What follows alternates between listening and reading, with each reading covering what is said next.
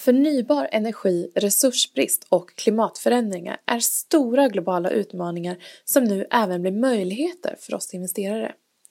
FNs livsmedels och jordbruksorganisation beräknar i sitt huvudscenario att det globala behovet av skogsråvara kommer att öka med ungefär 50 procent av loppet av tio år.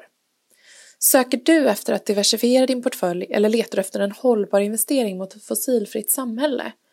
Då kan skogen vara ett intressant och hållbart komplement till portföljen.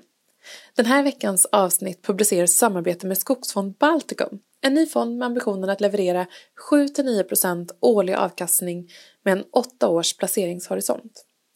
Affärsmodellen är framtagen av ett erfaret förvaltningsteam. Bolaget noteras nu på NGM och nyemissionen pågår fram till den 7 juni i år. Varför då i Baltikum? Skogen där är betydligt mer prisvärd än svensk och det innebär en lägre risk för prisfall.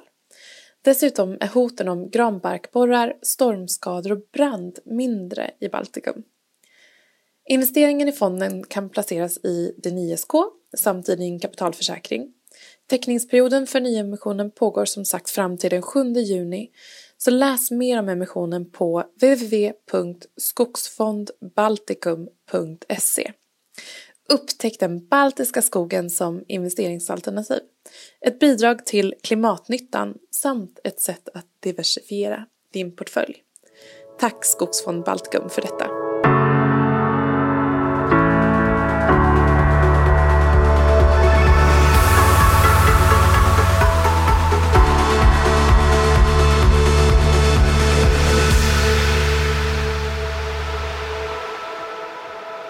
Det finns eh, vissa personer i Sverige som jobbar med både investeringar, eller har jobbat med investeringar och med entreprenörskap. Eh, en person som är symbolen för liksom, att spara, investera, bygga bolag eh, är Günther Mårder som idag är VD för Företagarna. Otroligt spännande att vi får en möjlighet att träffa honom i Företagarnas lokaler i centrala Stockholm. Välkommen till Feminvest. Tack så mycket. Hur många intervjuer har du gjort idag? Eh, idag har det blivit tre intervjuer men alla är för Rapport. Men det gäller att sälja smart så de kommer hit för ett case eh, där vi skulle prata om Brexits effekter på svenska småföretag. Och sen lyckades jag sälja in även två extra case som de säkert kommer visa om två veckor eller om fyra veckor. Och sen kommer det förefalla så att de har gjort intervjun då. Mm. Men de har gjort alla intervjuer vid ett och samma tillfälle. Journalister är lata och då ska man passa på att sälja in mycket. Så att det kommer vara ett eh, inslag om Bjuv. Om vad som hände efter nedläggningen av ärtfabriken. Jag vet inte om ni minns? Det känner jag inte till. Inte en, en ärta ska flytta till Tyskland. Kolle, som är LOs ordförande, åkte ner och med dunder och brak och demonstrationståg så gick han eh, och, och försökte stoppa försäljningen eh, av eh, ärtfabriken i Bjuv som gjorde Ebbas Findusärtor, ja, grönärtor. Okay. Eh, men vi visar nu att efter två år efter eh, den försäljningen och nedläggningen så blomstrar Bjuv av småföretagande. Mm.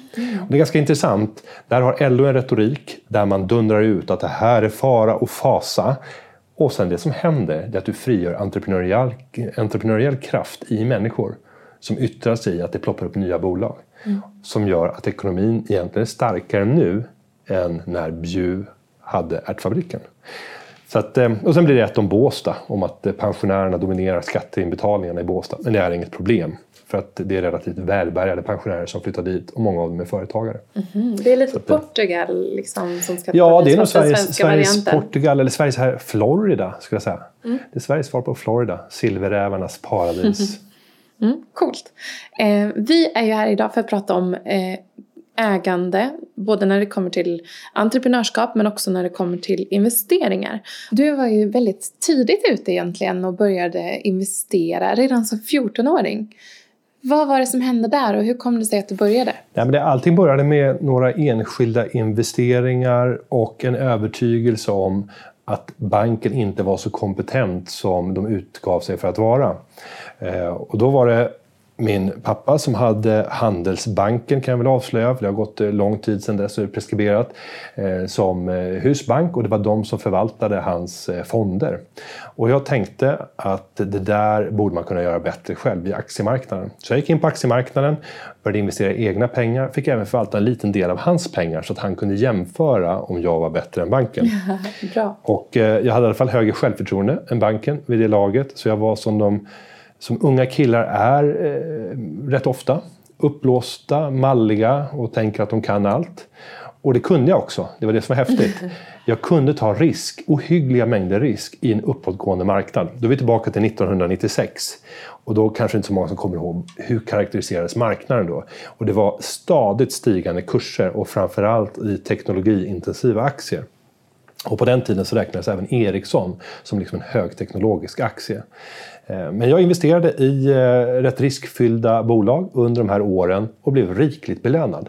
För det är inga problem att få en hög avkastning. Det enda det handlar om är att ta stor risk när marknaden går upp. Mm. Då kommer det med hög sannolikhet få en avkastning som vida överstiger börsens avkastning. Vilket jag också fick Eh, fram tills det small, ska ju tilläggas. Det. Och det var ungefär fyra år eh, innan det, den stora smällen skulle komma.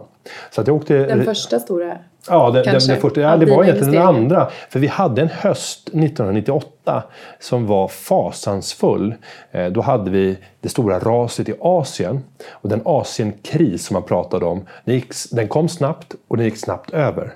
Men kurserna föll i de flesta fall med 30-35 procent inom loppet av några veckor. Skulle du se en sån nedgång idag skulle vi få panik. Mm. För det är, det är ungefär hälften av en normalt stor nedgång. Och det skedde inom loppet av några få veckor. Det här har de flesta människor glömt bort och framförallt de som har börjat med investeringar de senaste tio åren. De har aldrig varit med om något sånt här. Mm. Men det kommer att hända igen. Mm. Och det är lite det här som jag upplever, alltså det, det finns en oerhört stark retorik runt att börja investera eh, för att det har gått väldigt bra under de senaste åren och trots liksom en osäkerhet och liksom förväntan av en lågkonjunktur och en nedgång så har det fortsatt uppåt. Eh, och det här gör ju att många idag liksom, ja, är avvaktande men samtidigt så rullar det ju på. Eh, och vad, vad, tänker du om liksom, de närmaste månaderna och vad som kommer hända?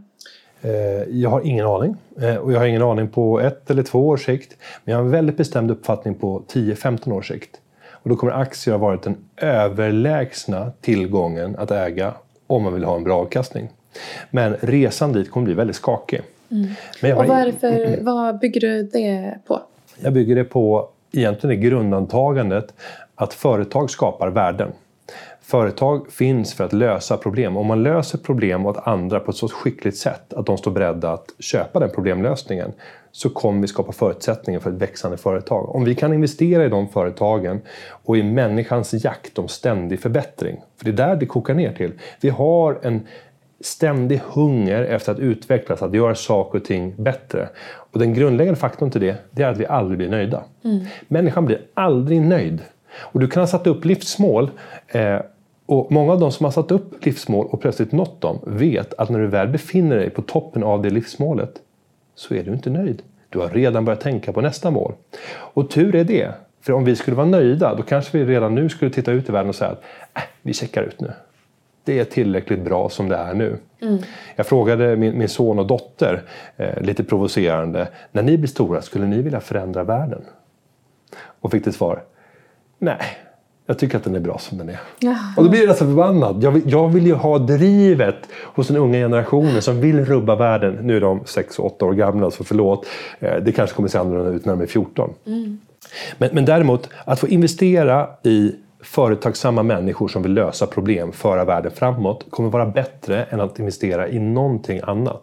För det är en värdeskapande process. Och då kanske någon säger, ja, men hur tänker du kring guld eller att investera direkt i fastigheter?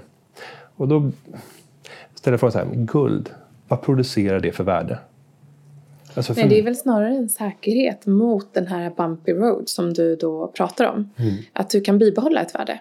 Ja, och, och, över, och över tid så är det ett ganska riskfyllt värde till följd av att det kräver en överenskommelse om att det är värdefullt.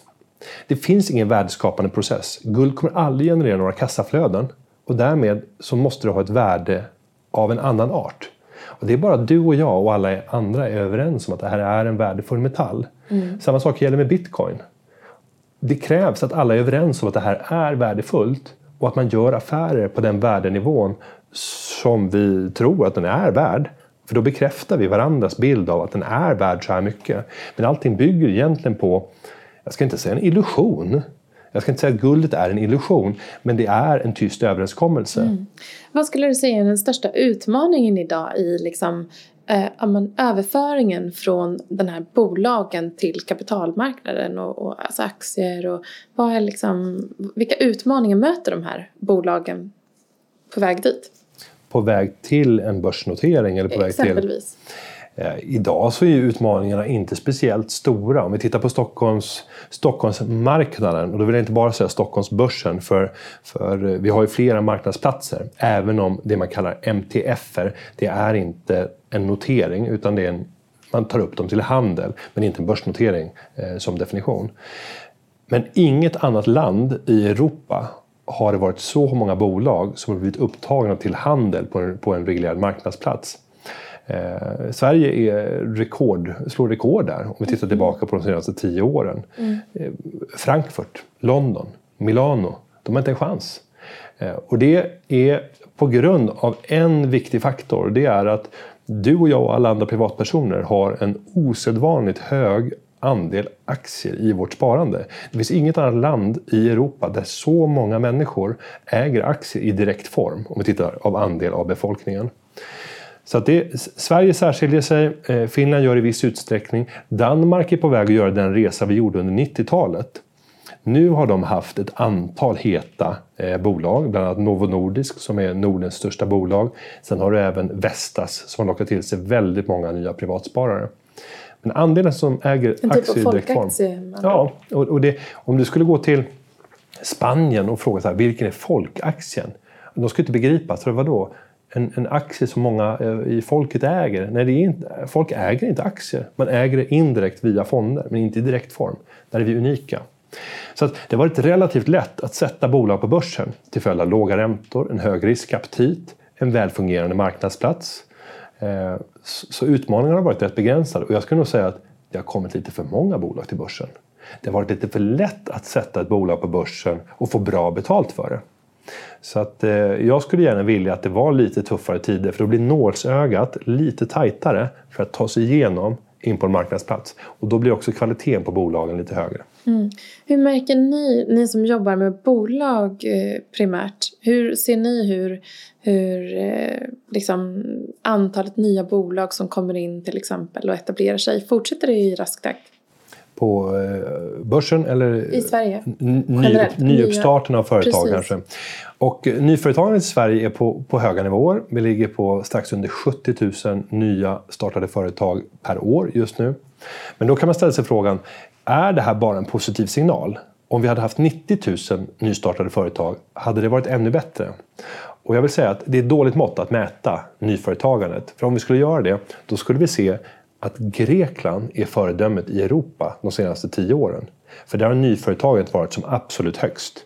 Och det har att göra med faktorerna att Greklands ekonomi är skjuten i sank. Man har långtgående pensionsåtaganden som arbetsgivare. Eh, och, och lönenivåerna har varit alldeles för höga, för facket var för framgångsrikt. Så man levererade inte en produktivitet som var i nivå med de ersättningar som man hade. Alla de här faktorerna och en sträng arbetsrätt gjorde att företag ville inte anställa. De hade inte råd att ta den risken och då tvingar man människor ut i ett företagande.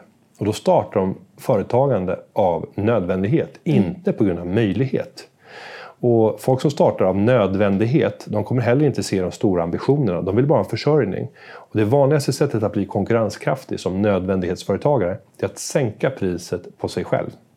Sälj dig själv på timbasis med din kompetens. Oavsett om du är designer eller om du kan mecka med bilar eller städa eh, på kontor. Oavsett vad du är duktig på att göra, sänk priset. För om du bara sänker priset tillräckligt lågt så kommer snart någon att efterfråga dig. Och det är ditt sätt att kunna få en försörjning om arbetsmarknaden inte släpper in dig. Så ett högt nyföretagande betyder inte alltid att det är en positiv signal. En tillväxt. Ja, och normalt sett så brukar vi se att nyföretagandet går ner i de starkaste högkonjunkturerna. För att då hittar folk attraktiva jobb på arbetsmarknaden. Intressant. Och det kan ju vara en, en, en, smart person med en idé om, om hur man skulle kunna starta ett företag som plötsligt får ett erbjudande om ett jobb med 80 000 i lön och tjänstebil. Och så står det så här, okej, okay, ska jag ta det jobbet eller ska jag starta upp det här riskfyllda företaget? Mm. Jag tar den säkra vägen, mm. kommer många tänka i det läget. Mm. Kortsiktigt rätt, långsiktigt säkerligen fel. Ja. Jag kan ändå tänka mig att det finns en ganska stor skillnad av, när det kommer till säkerhet runt eh, marknaden av och hur, liksom hur man etablerar bolag och vilken typ av bolag som blir framgångsrika och så vidare i Sverige jämfört med i Grekland? Ja, så, så eh, kan det ju vara. Det blir olika faktorer. I, I, Grekland så är det ju inte ett möjlighetsorienterat företagande. Det är det i högre utsträckning i Sverige. Så därför är normalt sett ett högt nyföretagande positivt. Men om vi, om vi ska ta den här gruppen 70 000 företagare, hur lätt är det att ta sig ut på andra sidan? Från att man har ett nystartat företag till dess att du har ett etablerat företag där du kan plocka ut lön och leva på din verksamhet. Och när vi tittar tillbaka på de senaste tio åren så ser vi en trend där ungefär hälften av alla företag som startas inom fem år inte bedriver någon som helst aktiv verksamhet. Mm. Några har gått i konkurs, några har lagt ner, några har blivit uppköpta, men hälften är inte verksamma längre. Och då skulle det kunna föranleda mig som VD för, för, för företagarna att säga att du borde inte starta företag. Du vet, hälften kommer misslyckas inom fem år. Eller bli uppköpta, det är en framgångssaga i och för sig. Ja, ja det kan mm. det vara. Men ofta, så, är, men ofta så är inte uppköpet det vi tänker. Nej. Att någon kommer att lägga ett fett bud på bolaget. Utan det vanligaste är att verksamheten inte går runt mm. men du har köpt tillgångar som behövs för att göra det du gör. Du kanske ägnar åt eh, en, en eh, mediaproduktion och då har du köpt in jättefina eh, filmkameror, programvaror, datorer och sen går det inte runt och då är det någon som kommer och köper upp dig till ett undervärde av eh, vad tekniska mm. utrustningen kostar. Yeah. Så det är inte liksom en exit Nej, man gör utan en ganska tråkig avveckling. Uh. Men man har blivit uppköpt. Så att, nej, jag, jag, eh, jag, tror att oddsen ser rätt dåliga ut, eh, men man kan förbättra dem. Mm. Alltså det räcker med att bara göra en affärsplan så har du börjat komma in i en grupp där sannolikheten är väsentligt högre att du kommer att ta dig ut på andra sidan och kunna försörja på ditt företagande. Att också se till att starta företag i ett läge där du har de kunskaperna som kommer krävas av dig som företagare. Du måste kunna hantera ekonomi. Du måste kunna lite grundläggande juridik. Om du ska växa och ha personal så måste du förstå personalfrågor, drivkrafter, kunna ha samtal av liksom personalledande karaktär för att kunna få ihop eh, den vardagen. Du måste kunna lägga en affärsplan, du måste kunna förhandla, kunna hitta finansiering. Det är så många saker du måste kunna. Och då säger jag så här, du behöver inte kunna det själv. Men du måste ha någon i din närhet, eller förmodligen ett antal personer i din närhet, som kan hjälpa dig med det. Det bästa du kan göra som företagare det är att fokusera det du är bäst på. Och de vanligaste misstagen som jag ser hos företagare det är att man försöker göra allt det här som jag nu räknade upp. Mm. Man försöker vara alla företagsfunktioner. Om vi skulle tänka ett stort företag. Man är varenda avdelningschef. Mm, och det känner man ju igen. Man, till en början, jag är själv entreprenör. Man är rädd för att tappa kontrollen. Mm. Eller liksom man, vill, man är nyfiken kanske också. Vill, alltså anledningen till att man startar ett bolag per se är ju, säger ju att man är liksom nyfiken och vill testa och vågar och sådär. Så det, jag tror att det, det hänger ihop lite med liksom den som startar bolagsambition och det entreprenöriella som många skulle säga. Mm. Eh, även om många kanske inte säger att ja, men jag är en entreprenör när man startar bolag. Men, eh, så det, jag förstår det, jag förstår absolut att, att man lätt kan hamna i den fällan. Sen finns det en annan faktor som är en personlig egenskap som man känner igen en, en företagare på. Och det är ju att man har ett självförtroende som är bättre än snittet. Mm. Man tror ofta att man kan. Eh, sen är det inte samma sak som att man kan. Mm. För Det kan visa sig att du har ett självförtroende som är bättre än snittet inom det området du har tänkt att verka. Men du hade en kunskap som var lägre än snittet.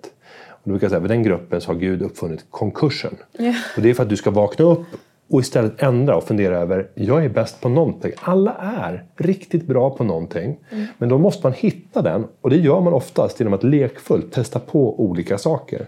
Det är därför jag gillar unga människor som är rätt experimentella och testar på olika saker för att hitta den här, när blev jag lycklig? När kände jag som att tiden bara sprang iväg men jag gjorde någonting som för andra uppfattades som ett värdeskapande. Mm. Ehm, och när du hittar det då vet du att då är du någonting på spåret. Och det hittade du tidigt? Ja, för mig så var det ju att få prata, inspirera, sprida kunskaper om ekonomi, företagande, investeringar. Förvaltar du fortfarande pappas portfölj? Nej, frågan? nej, det gör jag faktiskt inte. Eh, jag fick inte förnyat förtroende efter den kraschen som kom då 99-2000. 99 så steg börsen över 60 procent. Men då började vi en krasch. Eh, och jag förlorade i princip allting som jag hade dittills sparat ihop. Vad lärde du dig av det? Eh, otroligt mycket. Eh, till att börja med, när man är så pass ung, då var jag 17, skulle fylla 18 och jag hade redan då lagt mig an en väldigt så här, privatekonomiskt tight livsstil. Jag brände inga pengar. Alltså allt som jag tjänade, och då jobbade jag som städare på bygget, eh, då kunde jag lägga undan allt för att investera det i marknaden. Jag vill jobba så mycket som möjligt bara för att få ytterligare pengar att kunna investera. Jag vill inte bränna någonting. Och om jag brände någonting, då var det snarare att jag köpte någonting som jag sen kunde använda och sälja vidare till ett högre pris. Om vi tar bilar som ett exempel. Jag gillade bilar.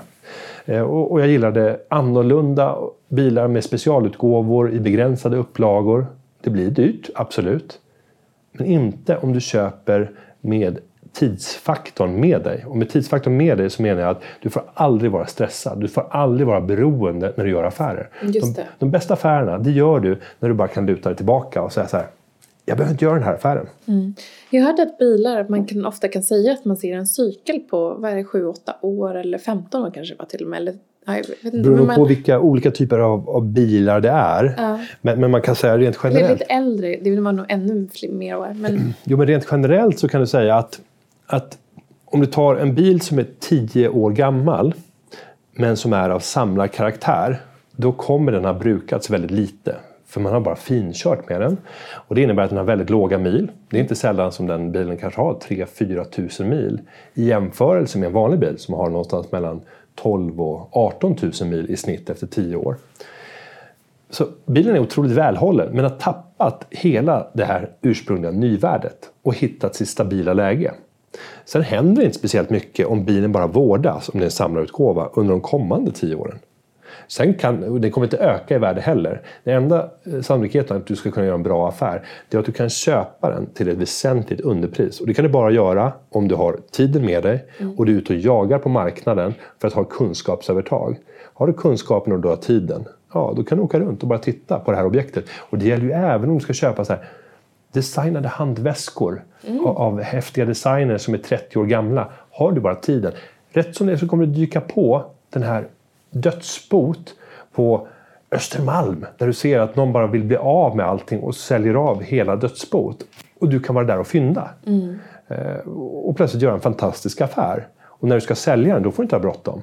Då ska du leta efter precis den köpare som du tror kommer kunna betala det högsta priset. Ja, och det här är ju en trend vi ser av att eh, allt fler vill tänka hållbart när de investerar sina pengar. Blir aktiva ägare på så sätt och därmed kollar upp bolagen. Eh, hur ser ni på det här från ditt perspektiv? Tittar vi på hur företagare betraktar, och framförallt småföretagare betraktar hållbarhetsfrågan så rymmer det många dimensioner. Men vi har gjort studier både för två och ett halvt år sedan och sen så sent som för några veckor sedan för att mäta vad är drivkrafterna bakom ditt hållbarhetsarbete? Och till att börja med, har du något hållbarhetsarbete överhuvudtaget? Om du själv får säga ja eller nej. Mm. Och då säger 9 av 10 att de arbetar på något sätt med hållbarhetsfrågan. Sen när man ställer frågan, vad är det som gör att du gör det? Då kan det ju vara allt ifrån att det är företagaren själv som har bestämt sig för att det här är viktigt. Men det kan också vara andra ägare. Det kan vara leverantörerna, det kan vara kunderna, det kan vara dina anställda. Så att, och det kan vara politiskt påtvingat. Det kan vara lagkrav som gör att du tvingas arbeta annorlunda. Men det som är spännande när man ser den snabba rörelse som vi har fått bland småföretagen när det kommer till att arbeta aktivt och fundera över vad gör jag för avtryck av mer negativ karaktär till följd av mm. den positiva affär jag gör så gör jag negativt avtryck och det kan vara, både vara på människa, på samhälle och det kan vara på jorden om vi pratar miljö. Och att fundera över de dimensionerna, hur kan jag minska de negativa effekterna som kan följa till följd av min problemlösning som är mitt företag. Det har blivit en allt viktigare del och det är inte en enskild grupp. Det är inte kunderna ensamt. Det är inte politikerna genom lagkrav. Det är inte leverantörerna. Det är inte kund, utan det är ganska jämnt fördelat. Nästan mm. samtliga intressenter har flyttat fram sina positioner. Från två och ett halvt år sedan? Ja, på bara två och ett halvt år sedan. Mm. Man har höjt sin lägsta nivå när det gäller vilken förväntan jag kan ha på dig. Sen kommer det i det lilla fallet, den enskilda företagaren, att yttra sig på väldigt olika sätt. Ibland är det kunder som man märker börjar ställa allt fler frågor. Men då har man förmodligen redan sett att det har börjat hända saker både när det gäller lagkrav, även när det gäller leverantörer och leverantörers syn på dig och vilka krav du ställer på dem. Mm. Eh, kanske andra ägare, medarbetare. Eh, ja. Eh, och hur eh, ser det här ut på börsen? Eh, där är det ju mer lag framtvingat till att börja med. Om du tittar för alla större företag så har det ju tvingats fram en hållbarhetsredovisning. Eh, om vi inte hade gjort det så hade nog ändå, tror jag, majoriteten valt att lämna en hållbarhetsredovisning. Går vi tillbaka till 80-talet då var motsvarande redovisning en miljöredovisning. Då skulle alla ta fram, till följd av lagkrav, en miljöredovisning för att bara redovisa de miljömässiga aspekterna och vilken påverkan du kan tänkas ha. Och det blir ju nästan när du bara tittar i miljöperspektivet så blir det väldigt svårt att titta till exempel på en renodlad tjänsteaffär. Ta en bank till exempel med väldigt stor balansräkning. Men bara i miljöperspektivet och bara i ett perspektiv av jag och min verksamhet på banken så blir det ett ganska, en ganska platt analys. Mm. Om man inte börjar titta på vad har banken för möjlighet att påverka övriga samhället? Skulle banken kunna ge en ränterabatt till företag som väljer att vidta åtgärder som kommer att göra mindre negativa effekt på människor, på samhälle mm. eller på jord. Eh, det hade varit otroligt häftigt och då visar man plötsligt att bankerna är kanske de som skulle kunna ha störst impact på att faktiskt vara en pådrivande faktor för att lösa många av de utmaningar vi står inför framför oss. Mm. Men riktigt så tänker man inte, inte ens i dagsläget. Nej. Men det har varit mer påtvingat. Man, man, är väl, man kollar väl väldigt mycket inom branschen tänker jag, på sina konkurrenter hur de gör. Och det, det tar längre tid för en bransch att liksom hitta en inspiration från en annan bransch. Jag upplever ändå att det är ganska silo. För jag, som när det kommer till jämställdhet till exempel så vet jag att många banker har ganska det har, står högt upp på agendan i förhållande till hur man liksom bygger en organisation och ledarskap och så vidare. Eh, Medan andra, där kan man ju se ganska tydligt att branscher jobbar väldigt mm. olika och mer och mindre, eller mindre framgångsrikt med de här, med de här frågorna. Men tar du de lagmässiga delarna där det har framtvingats av lag att föra fram till exempel en hållbarhetsredovisning. Det som händer då det är att du tar bort liksom det lustfyllda i arbetet. För du har ett formkrav som du måste följa och rapportera på. Och det du får då, det är vad jag brukar kalla en copy-paste-kultur. Mm. Du tittar på någon annan, okej, okay, hur har de levt upp till lagens krav? Copy, paste, gör samma. Det har vi sett på område efter område bland de noterade bolagen. Det fattades beslut i början på 2000-talet att man skulle göra en redogörelse och fatta beslut om ersättningar till ledande befattningshavare i samband med årsstämman. Det gjorde man inte tidigare det där blir en copy-paste-produkt. Mm. Alla skrev likadant. Mm. Eh, och den risken, det, det, är vad man också brukar kalla så greenwashing. Att du skriver och beskriver din verksamhet och det är bara frid och fröjd och, och grönt och fint. Men i själva verket så händer ingenting. Men du har alla dokumenten på plats. Det är otroligt vackert. Och då ska man komma ihåg de här stora skandalerna. Ta både Arthur Anderson som den stora revisions och rådgivningsfirman. Du kan ta Enron som det stora energibolaget. Du kan även ta Lehman Brothers. Alltså alla de här hade alla dokument du någonsin kan förvänta dig av ett stort gigantiskt företag. Allt fanns på plats. Ändå så failade allt. Mm. För det spelar ingen roll vad du skriver, vad du gör. Det jag kan irritera mig lite grann på det är att börsen idag styrs väldigt mycket av institutionella ägare. Mm. Så, och det är other, 70 procent? Ja, det är other people's money. Det är inte dina pengar. Och sen står det en tjänsteman som funderar snarare över nästa lönehöjning och vad man ska dra på semester än att de har satsat alla pengar de äger i det här företaget. Och, och det, här, mm. det här också, det finns en viss nonchalans även från bolagen. Jag var och pratade med ett av bolagen på large cap. Och de sa liksom i dialog då med, med mig att eh, om vi får fler kvinnliga ägare eller om vi får fler liksom, manliga privata ägare, det gör inte oss så jättemycket. alltså, institutionerna, det är de vi liksom egentligen vill jobba med. Och det här tror jag också kan, kan långsiktigt skapa en, som du säger, en frustration och en, ja men en, det blir en nonchalans liksom i relationen mellan de större bolagen och eh, de aktiva ägarna. Jo, det, det, det är spännande att, att, titta på hur man styr. Alltså du, det som du blir mätt på, det är det du gör. Mm. Och om du har stora ägare som är institutioner och de kommer med eh, tickboxes, det är som checklistor. Där de säger att de här tio sakerna vill vi att ni rapporterar hur ni arbetar med. Och sen så överräcker man ett dokument enligt formkraven tillbaka till den ägaren. Men som egentligen inte är speciellt intresserad av att veta att businessen kommer utvecklas fantastiskt. Utan snarare att man har tickat av de här tio rutorna så att man kan gå tillbaka till sin huvudman och säga att vi har nu säkerställt att det här bolaget lever upp till de krav som vi som ägare ställer.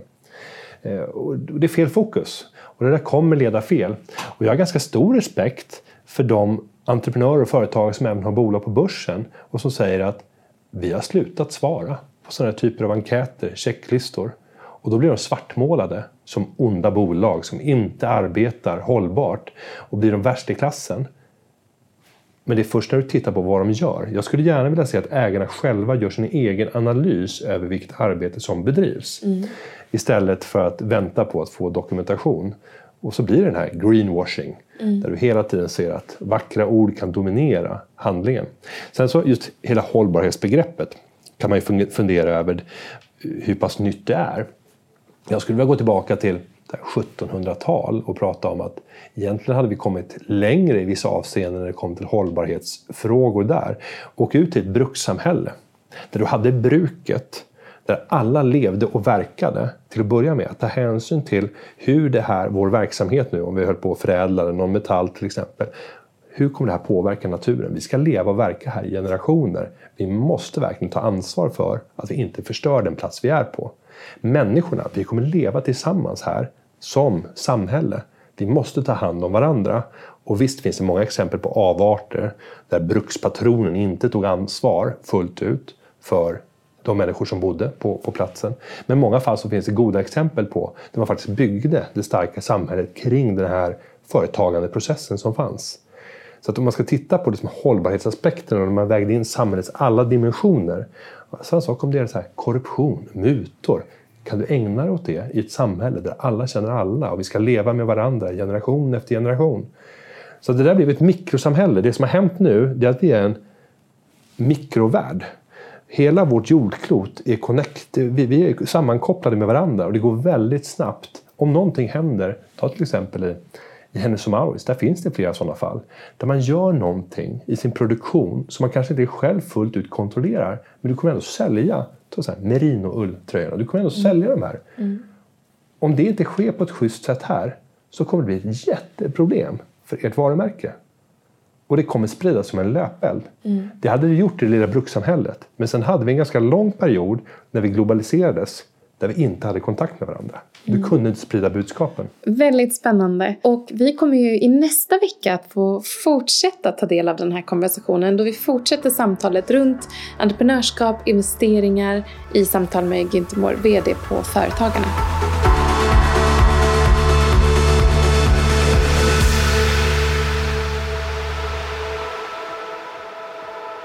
Feminvest är Sveriges största investeringsnätverk för tjejer. Vi vill att allt fler ska våga äga och förvalta. Och hur gör vi då detta? Jo, vi vill inspirera, utbilda och utmana runt ägande, investeringar och entreprenörskap. Följ Feminvest på våra kanaler Facebook, Instagram, Youtube varje vecka så kommer vi även ut med en podd och du kan ju självklart även följa nyheterna som publiceras på feminvest.nu. Det är bara att söka på Feminvest på samtliga kanaler så hittar du till oss.